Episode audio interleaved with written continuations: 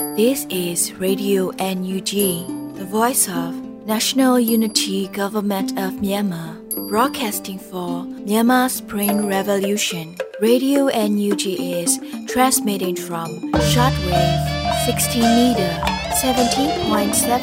megahertz at 8:30 a.m. and 25 meter 11.94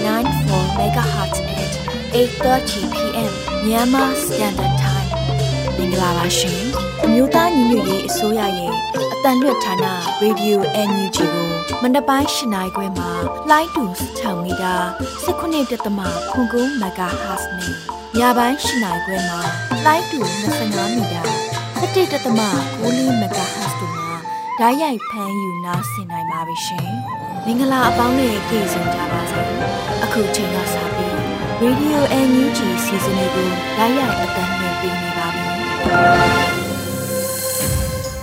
မြန်မာနိုင်ငံသူနိုင်ငံသားအပေါင်းတဘာဝပြီးစစ်အာဏာရှင်ဘေးတို့ကနေကင်းဝေးပြီးကိုစိတ်နှဖျားကြမ်းမှလုံခြုံကြပါစေလို့ Radio NUG ဖွဲ့သားများကဆုတောင်းမေတ္တာပို့သလိုက်ရပါတယ်ရှင်။အခုချိန်ကစပြီးကာကွယ်ဝင်ကြီးဌာနရဲ့စစ်ရေးတရင်အကျဉ်းချုပ်ကိုရန်နိုင်မှတင်ဆက်ပေးမှာဖြစ်ပါတယ်ရှင်။မြို့သားညီညွတ်ရေးဆိုရာ ကာကွယ်ဝင်ကြီးဌာနကထုတ်ဝေတဲ့နိုင်စဉ်စစ်ရေးသတင်းချင်းချုပ်ကိုတင်ဆက်ပေးပါရမယ်။စစ်ကောင်စီနဲ့တိုက်ပွဲဖြစ်ပွားမှုသတင်းကိုတင်ဆက်ပေးချင်ပါတယ်။ကင်းပြည်နယ်မှာအေပီလာ19ရက်နေ့က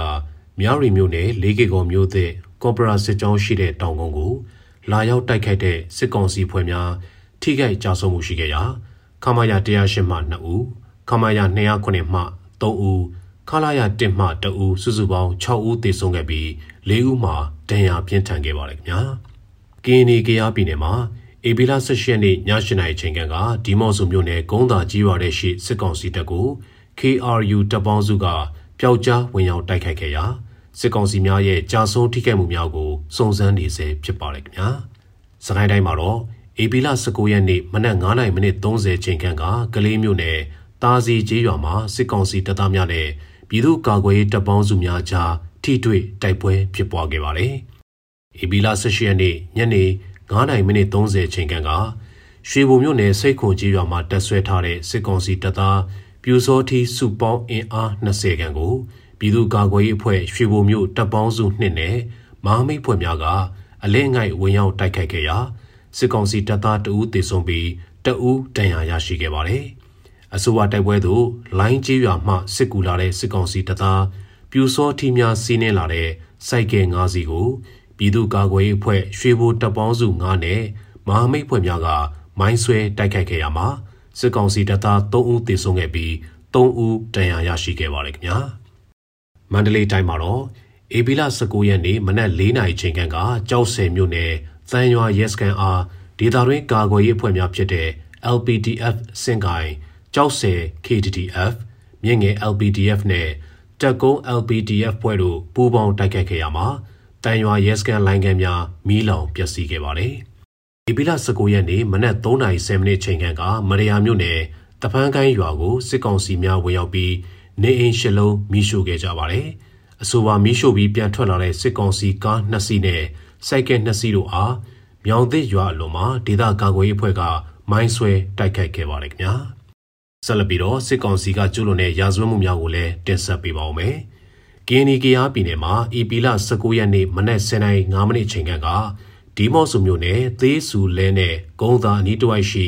ပြည်သူနေများကိုစစ်ကောင်စီတပ်သားများကမီးရှို့သွားခဲ့တယ်လို့သိရှိရပါတယ်။အီပီလာ19ရက်နေ့မနက်3:00နာရီချိန်ကဒီမော့ဆူမြို့နယ်နောက်ဘက်ချမ်းမှာငွေတောင်အခြေဆိုင်ခလာရ104တပ်မှတာဝေးပြလက်နက်ကြီး15လုံးထပ်မံပစ်ခတ်ခဲ့ပြီးနောင်ပလဲအုပ်စုလေးမိုင်ရက်ခုကျေးရွာရှိဗုဒ္ဓဘုံကြီးကျောင်းတလုံးကို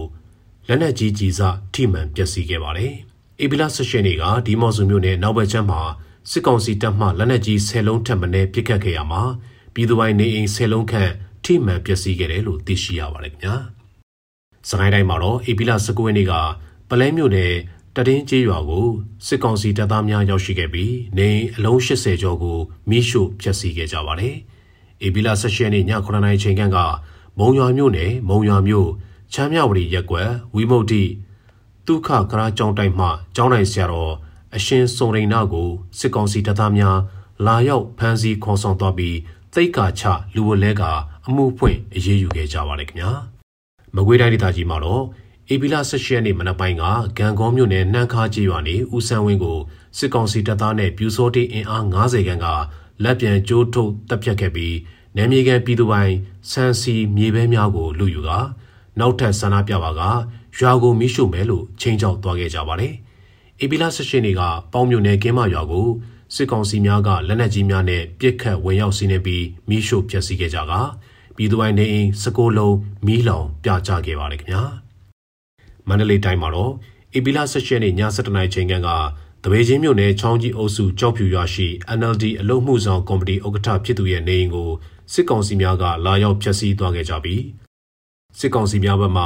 အဲ့ဒီလိုဖျက်ဆီးခြင်းအား PDF များကလှုံ့ဆော်တယ်လို့မဟုတ်မမှန်သတင်းလွှင့်ခဲ့ကြပါတယ်။ AP လာဆက်ရှင်နေ့ညနေ9:00နာရီချိန်ကပသိမ်ကြီးမြို့နယ်ကံကောက်အရှိရွာရှိ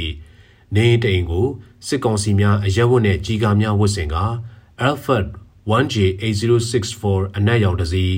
Wish ပလဲဖြူရောင်ကားတစီရွှေငါးတစီနဲ့အရှိနောက်ပိတ်ဝင်ရောက်ကာအိမ်တကားများကိုတနက်နဲ့ပစ်ခတ်ပြီးဝင်ရောက်စီးနင်းမှုဖြစ်ပွားခဲ့ပါတယ်။ စစ်ကောင်စီများကလူ9ဦးခန့်ကိုထိုးကျိတ်ခဲ့ပြီးပစ္စည်းများအကုန်ယူကာဖမ်းဆီးသွားခဲ့ကြပါတယ်ခင်ဗျာ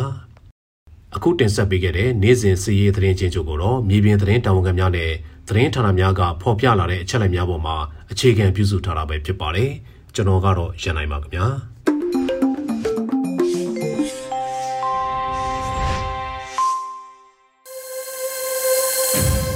Radio NUG မှာဆက်လက်အသံလွှင့်နေပါတယ်။ အခုဆက်လက်ပြီးနောက်ဆုံးရသတင်းများကို Airy မှတင်ဆက်ပေးမှာဖြစ်ပါတယ်ရှင်။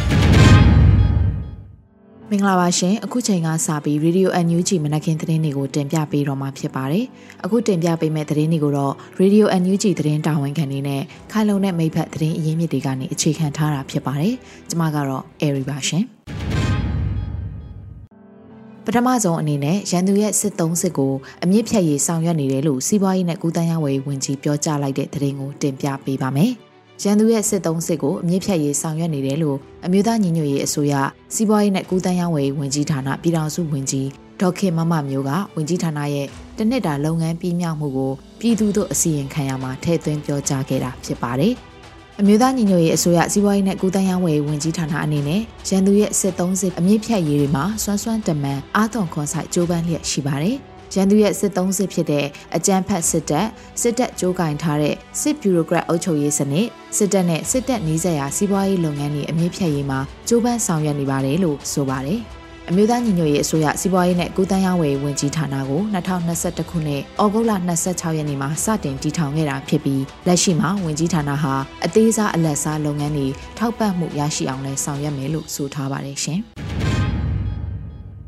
ဆက်လက်ပြီးပြင်သစ်နိုင်ငံမှာကျင်းပမဲ့တော်လန်တကြံရမုံငွေဈေးအောင်ပွဲမှာဘွန်းတွေကိုရောင်းချပေးသွားမယ်လို့ NUG ပြင်သစ်နိုင်ငံဆိုင်ရာကိုယ်စားလှယ်ရုံးကထုတ်ပြန်လိုက်တဲ့သတင်းကိုတင်ပြပေးပါမယ်။ ဧပြီလ24ရက်နေ့မှာပြင်သစ်ရောက်မြန်မာများအဖွဲ့ကကျင်းပမဲ့တော်လန်တကြံရမုံငွေဈေးအောင်ပွဲတော်မှာဘွန်းတွေကိုရောင်းချပေးသွားမယ်လို့အမျိုးသားညီညွတ်ရေးအစိုးရ NUG ရဲ့ပြင်သစ်နိုင်ငံဆိုင်ရာကိုယ်စားလှယ်ရုံးကဧပြီလ19ရက်နေ့မှာထုတ်ပြန်ခဲ့ပါတယ်။အမျိုးသားညီညွတ်ရေးအစိုးရပြင်သစ်နိုင်ငံဆိုင်ရာကိုယ်စားလှယ်ရုံးကဘွန်းအေဂျင့်ရရှိထားပြီးဖြစ်ပြီးပြင်သစ်ရောက်မြန်မာတွေဘုံဝယ်ယူအားပေးခြင်းနဲ့ဆိုရင်ကိုယ်စားလှယ်ရုံးရဲ့ message box ကနေဆက်သွယ်ထားနိုင်ပါပြီလို့ဖော်ပြထားပါတယ်။ လက်ရှိမှာတော့ငွေတိုက်စာချုပ်တွေကိုပြည်တွင်းကိုယ်စားလှယ်တွေအပြင်ပြည်ပနိုင်ငံတွေဖြစ်ကြတဲ့ပြင်သစ်နိုင်ငံ၊ကိုရီးယားနိုင်ငံ၊စင်ကာပူနိုင်ငံ၊ဂျာမနီနိုင်ငံ၊နော်ဝေနိုင်ငံ၊ဂျပန်နိုင်ငံ၊ကနေဒါနိုင်ငံ၊ဖင်လန်နိုင်ငံ၊အမေရိကန်နိုင်ငံ၊မလေးရှားနိုင်ငံ၊ထိုင်းနိုင်ငံနဲ့ဩစတြေးလျနိုင်ငံတို့မှာလည်းကိုယ်စားလှယ်တွေကနေတဆင့်ဝယ်ယူနိုင်တယ်လို့သိရှိရပါတယ်။အဲ့ဒါအပြင်အမျိုးသားညီညွတ်ရေးအစိုးရ NUG နဲ့ ပအို့အမျိုးသားဖက်ဒရယ်ကောင်စီ PNFC တို့ပူးပေါင်းပြီးစစ်အာဏာရှင်စနစ်အပါအဝင်အာဏာရှင်စနစ်အမျိုးမျိုးချုပ်ငြိမ်းရေးဖက်ဒရယ်ဒီမိုကရေစီပြည်ထောင်စုသစ်ပေါ်ထွန်းရေးတို့အတွက်ငွေတိုက်စာချုပ်တွေကိုပြည်တွင်းပြည်ပမှာစတင်ရောင်းချပေးနေပြီဖြစ်တယ်လို့လည်းသိရှိရပါတယ်ရှင်။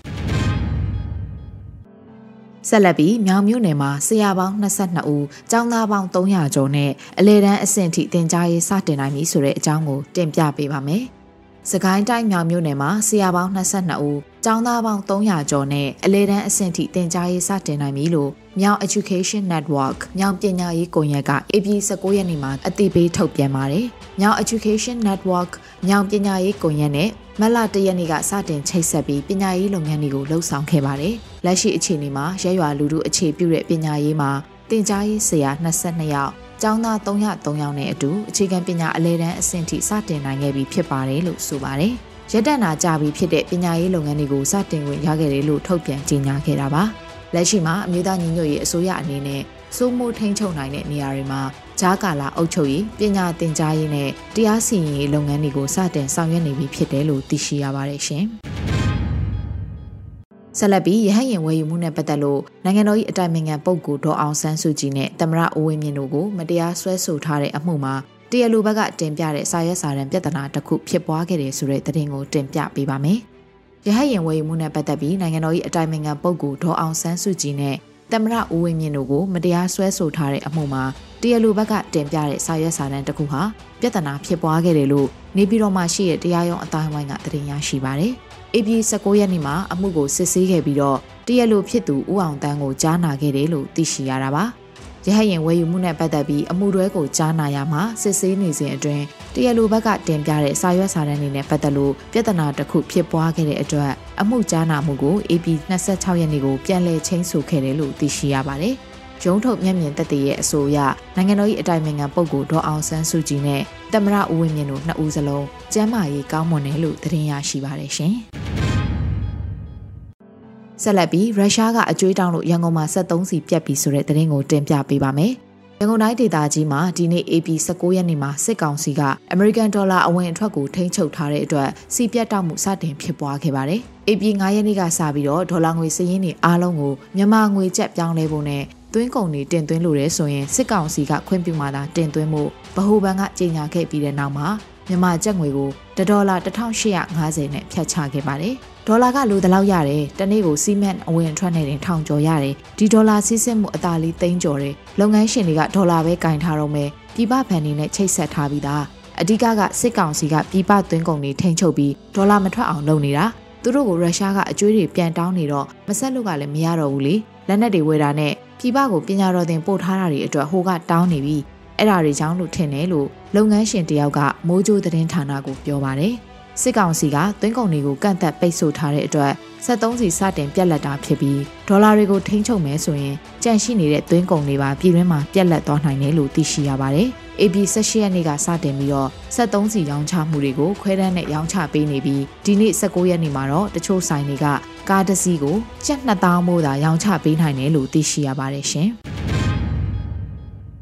ဆက်လက်ပြီး NAMOF PDF အမည်ကိုဖျက်သိမ်းပြီးအလဲပိုင်းတိုင်းစစ်ဌာနချုပ်စစ်ဒေသ3တရင်902အဖြစ်ပြောင်းလဲလိုက်တဲ့သတင်းကိုတင်ပြပေးပါမယ်။ NAMOF PDF အမည်ကိုဖျက်သိမ်းပြီးတော့အလဲပိုင်းတိုင်းစစ်ဌာနချုပ်စစ်ဒေသ3တရင်902အဖြစ်ပြောင်းလဲလိုက်တယ်လို့ NAMOF ပြည်သူ့ကာကွယ်ရေးအဖွဲ့က AP 19ရက်နေ့မှာတရားဝင်ကြေညာခဲ့ပါတယ်။ အခုခါနမောက်ပြည်သူ့ကာကွယ်ရေးအဖွဲ့ NPDF ဟာကာကွယ်ရေးဝန်ကြီးဌာနအမျိုးသားညီညွတ်ရေးအစိုးရရဲ့ကုတ်ကဲမှုနဲ့အတူ900နှစ်တရင်နမောက်မြို့နယ်အဖြစ်တရားဝင်ဖွဲ့စည်းထားပြီးဖြစ်ပြီးအရင်ကထပ်ပို့ပြီးစနစ်တကျဆောင်ရွက်သွားမှာဖြစ်ပါတယ်။နမောက်ပြည်သူ့ကာကွယ်ရေးအဖွဲ့ရဲ့ Facebook page ကိုဖျက်သိမ်းပြီးတော့တက်ရင်ရဲ့ Facebook page ဖွင့်လှစ်ပြီးတော်လှန်ရေးဆိုင်ရာကိစ္စရပ်တွေကိုပြည်သူတွေထံအသိပေးကြေညာခြင်းတွေဆောင်ရွက်သွားမှာဖြစ်ပါတယ်လို့ဆိုထားပါတယ်။ ပြည်ထောင်ရေးဝန်ကြီးဌာနပြည်ထောင်စုဝန်ကြီးဦးလွင်ကိုလက်ကလည်း AB 16ရက်နေ့ကပြည်ထောင်စုလွှတ်တော်သို့အစီရင်ခံပြောကြားရာမှာမကွေးတိုင်းအတွင်း6မြို့နယ်ကိုစိုးမိုးနယ်မြေအဖြစ်ဖော်ဆောင်ပြီးဂျားကာလာအုပ်ချုပ်ရေးအစီအစဉ်တွေဆောင်ရွက်ဖို့ရှိတယ်လို့အတိပေးပြောကြားထားခဲ့တာလည်းဖြစ်ပါတယ်ရှင်။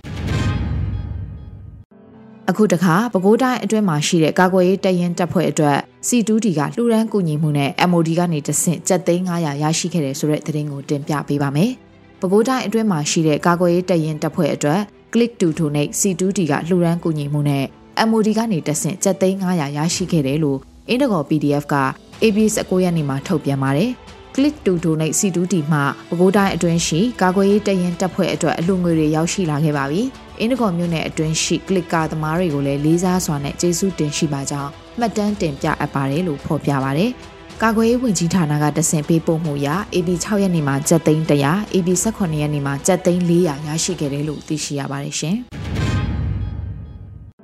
ဆဆက်လက်ပြီးမီဇိုရမ်ပြည်နယ်မှာခိုလုံလာတဲ့မြန်မာတွေကိုဒုက္ခသည်အထောက်အထားကတ်ထုတ်ပေးနေပြီဆိုတဲ့သတင်းကိုတင်ပြပေးပါမယ်။မြန်မာနိုင်ငံမှာစစ်အာဏာသိမ်းပြီးနောက်ချင်းပြည်နယ်နယ်ဆက်အိန္ဒိယနိုင်ငံမီဇိုရမ်ပြည်နယ်ကိုထွက်ပြေးတိမ်းရှောင်နေသူတွေအတွက်မီဇိုရမ်ပြည်နယ်အစိုးရကဒုက္ခသည်အထောက်အထား refugee ID ကတ်တွေ ထုတ်ပေးနေတယ်လို့မီဇိုရမ်ရောက်ဒုက္ခသည်တအူးကဆိုပါတယ်။မီဇိုရမ်ပြည်နယ်အတွင်းမှာထွက်ပြေးတိမ်းရှောင်နေသူတွေကိုရက်ကွက်ကြေးရွာတွေတိုင်းမှာနေထိုင်မှုစီစဉ်ပေးထားပြီးရက်ကွက်အလိုက်နေထိုင်နေတဲ့ဒုက္ခသည်တွေကိုအထောက်အထားယူပြီးကတ်တွေထုတ်ပေးနေတာလို့ဆိုပါတယ်။အဆိုပါကတ်ထုတ်ပေးမှုဟာဒုတိယအကြိမ်ဖြစ်ပြီးကြံဖိုင်းဒေတာအတွင်းကဒုက္ခသည်8500ကျော်အတွက်ကတ်ထုတ်ပေးထားပြီးတခြားဒေတာစခန်းတွေကသူတွေအားလုံးနှိပါကိုလည်းကတ်ထုတ်ပေးနိုင်မှုစီစဉ်နေတယ်လို့သိရှိရပါတယ်ရှင်။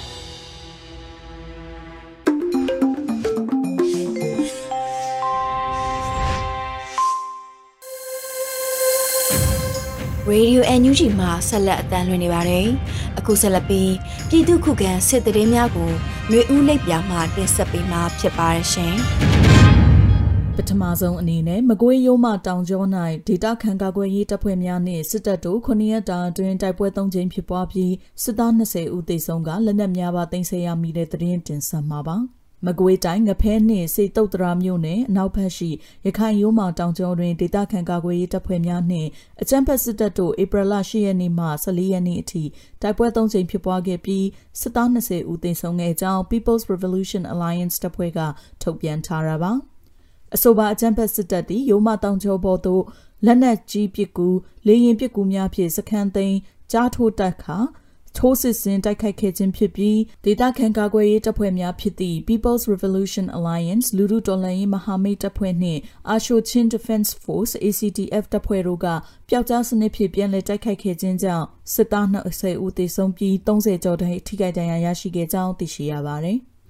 ထို့အပြင် People's Revolution Alliance တပ်ဖွဲ့ထုတ်ပြန်ချက်တွင်အတွင်းသတင်းများအရအကြမ်းဖက်စစ်ကောင်စီတပ်မှအရာရှိတအူးနှင့်အခြားအဆင့်တအူးသည်မိမိကိုယ်ကိုအဆုံးစီရင်မှုဖြစ်ပွားခဲ့ပြီးအရာရှိ2ဦးလည်းလက်နက်နှင့်တကွပျောက်ဆုံးနေကြောင်းဖော်ပြထားပါသည်။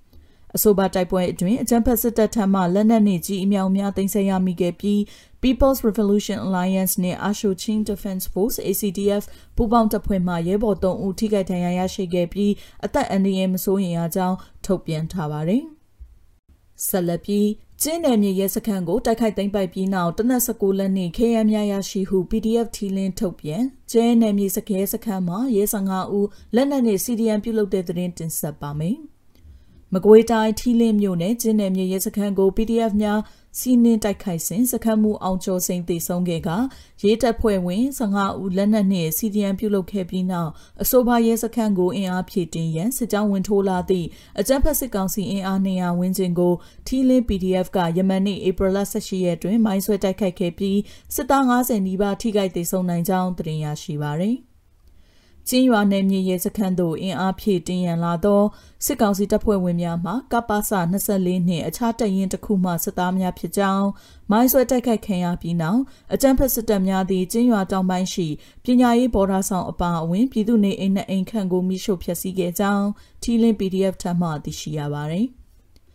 ထီလင်းမြို့နယ်ကျင်းရွာနယ်မြေစရဲစခန်းကိုဧပြီလ18ရက်နေ့တွင်ထီလင်း PDF တပ်ဖွဲ့ကတိုက်ခိုက်စီးနင်းခဲ့ပြီးစခန်းမှုအောင်ကျော်စိန်အပါအဝင်၄ဦးမှပြန်လည်ခုခံခဲ့သဖြင့်တေဆုံးခဲ့ပြီးအခြားရဲတပ်ဖွဲ့ဝင်15ဦးမှ CDM ပြုလုပ်ခဲ့ကြောင်းသိရှိရပါသည်။ အဆိုပါစခန်းမှုအောင်ကျော်စိန်ကစခန်းစည်းနှင်းခံရခြင်းတွင်အနောက်မြောက်တိုင်းစစ်ဌာနချုပ်နမခသို့အကြောင်းကြားကြောင်းစစ်ကောင်စီကတိုက်လေရင်ဖြင့်ပြစ်ခတ်တိုက်ခိုက်ခဲ့ကြောင်းကာကွယ်ရေးတပ်ဖွဲ့ဝင်များထိခိုက်မှုမရှိကြောင်းထီလင်း PDF ထပ်မံသိရှိရပါသည်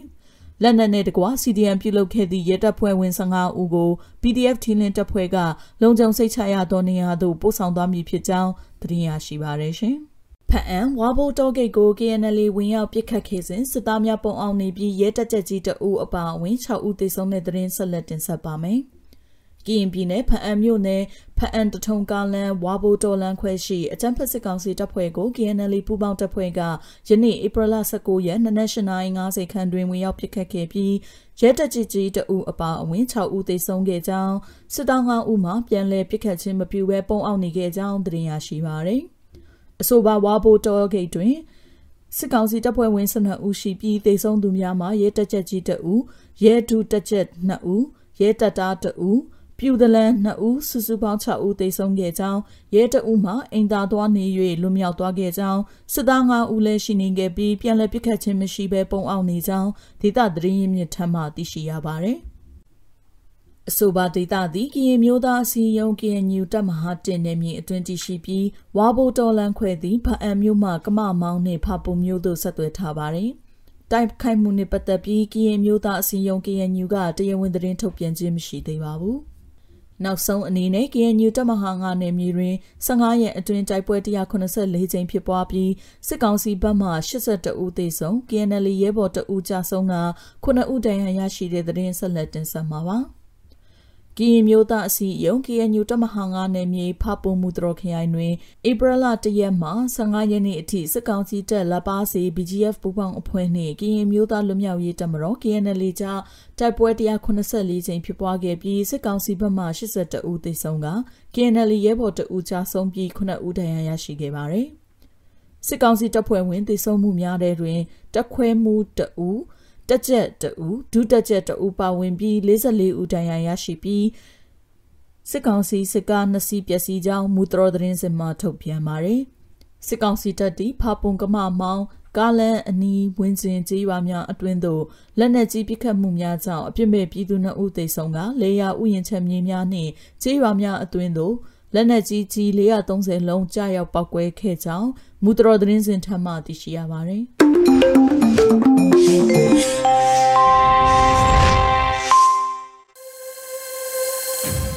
အခုဆက်လက်ပြီးနေ့စဉ်သတင်းများကိုမျိုးတော်တာမှတင်ဆက်ပေးမှာဖြစ်ပါရရှင်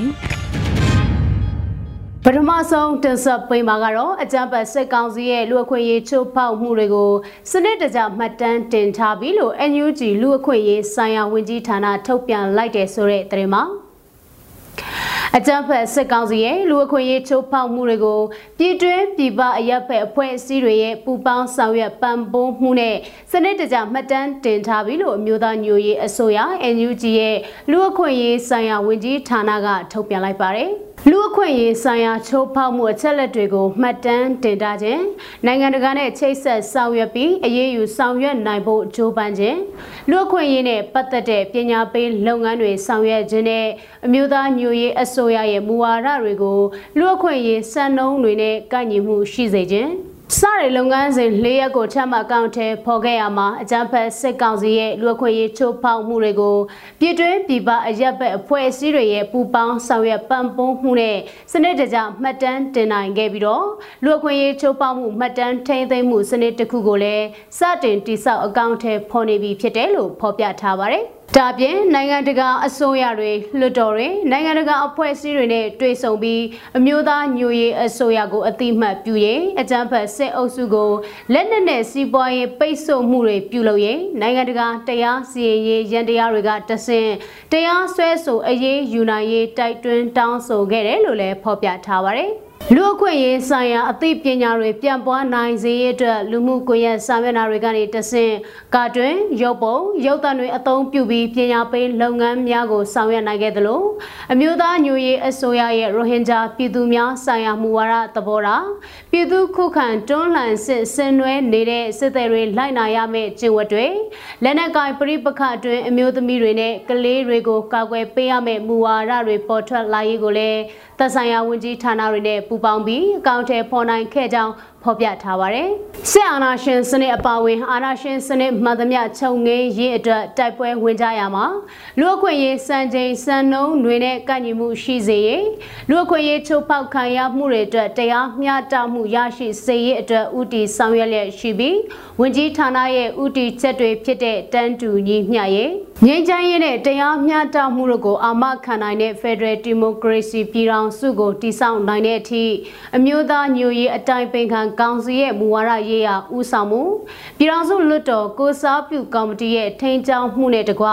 မမိတ်မတုံဆက်လက်တိုက်ပွဲဝင်သွားမှာဖြစ်တယ်လို့ဖော်ပြထားပါတယ်ဆက်လက်တင်ဆက်ပေးမှာကတော့အလုသမားရေးရာတိုင်ကြားမှုရန်တရားကိုစတင်နေပြီဖြစ်တယ်လို့အလုသမားဝန်ကြီးဌာနကကြေညာချက်ထုတ်ပြန်လိုက်တဲ့ဆိုတဲ့သတင်းမှာ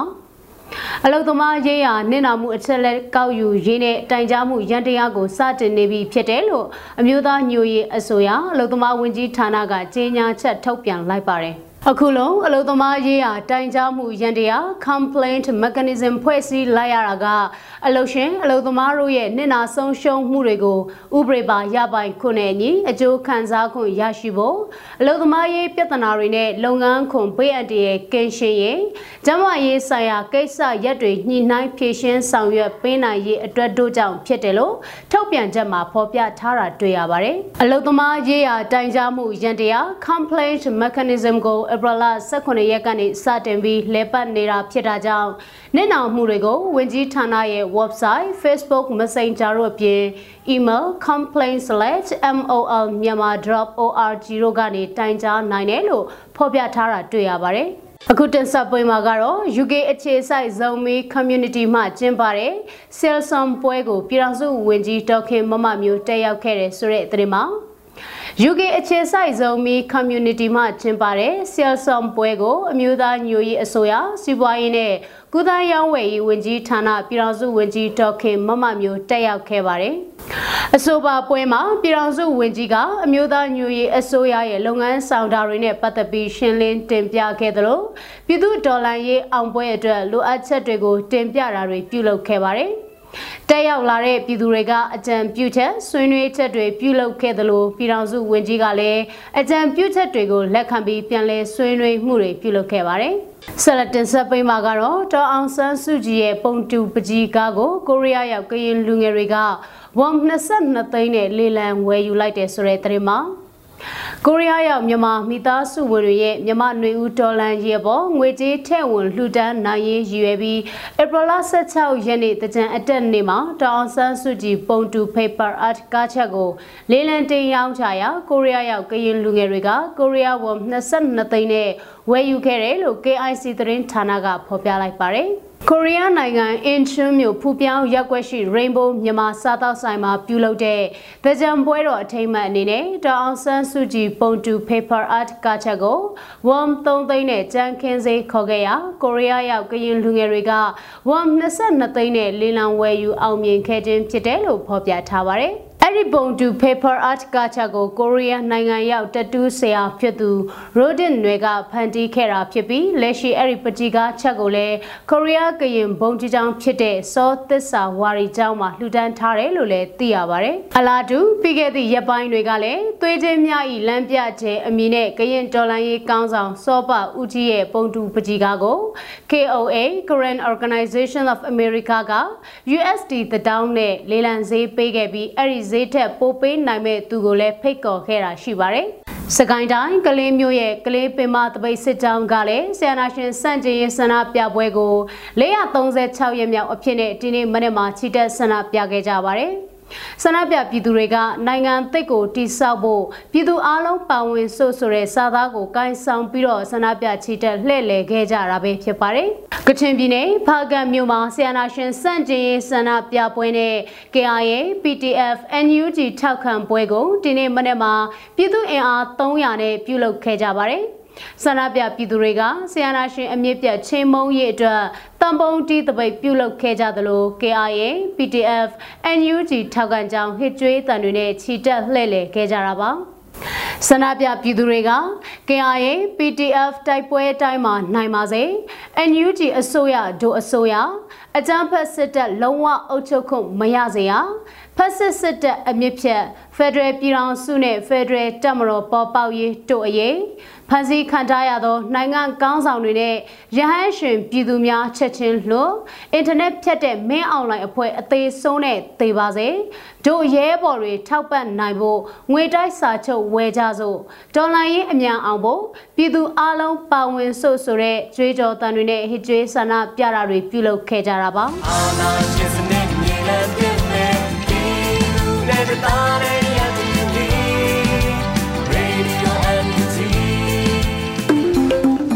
ဒီကနေ့ကတော့ဒီညနေပဲ Radio NUG ရဲ့အစီအစဉ်လေးကိုခေတ္တရ延လိုက်ပါမယ်ရှင်မြန်မာစံတော်ချိန်မနေ့၈နိုင်ခွဲနဲ့ည၈နိုင်ခွဲအချိန်တွေမှာပြောင်းလဲဆိုပြကြပါလို့ရှင်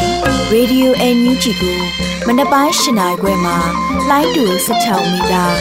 19.7မခုကူမဂါဟတ်နဲ့ညပိုင်း၈နိုင်ခွဲမှာလိုင်းတူ25မီတာ17.9မဂါဟတ်တို့မှာ ဓာတ်ရိုက်ဖမ်းယူနားဆင်နိုင်ပါပြီရှင်မြန်မာနိုင်ငံသူနိုင်ငံသားများကိုစိတ်နှပြချမ်းမာချမ်းသာလို့ဘေးကင်းလုံခြုံကြပါစေလို့ Radio NUG ရဲ့ဖွဲ့သူဖွဲ့သားများကဆုတောင်းလိုက်ရပါတယ် San Francisco Bay Area အခြေဆိုင်မြန်မာမိသားစုများနိုင်ငံတကာကစေတနာရှင်များလိုအားပေးများရဲ့ Radio NUG ဖြစ်ပါတယ်ရှင်။အရေးတော်ပုံအောင်ရမည်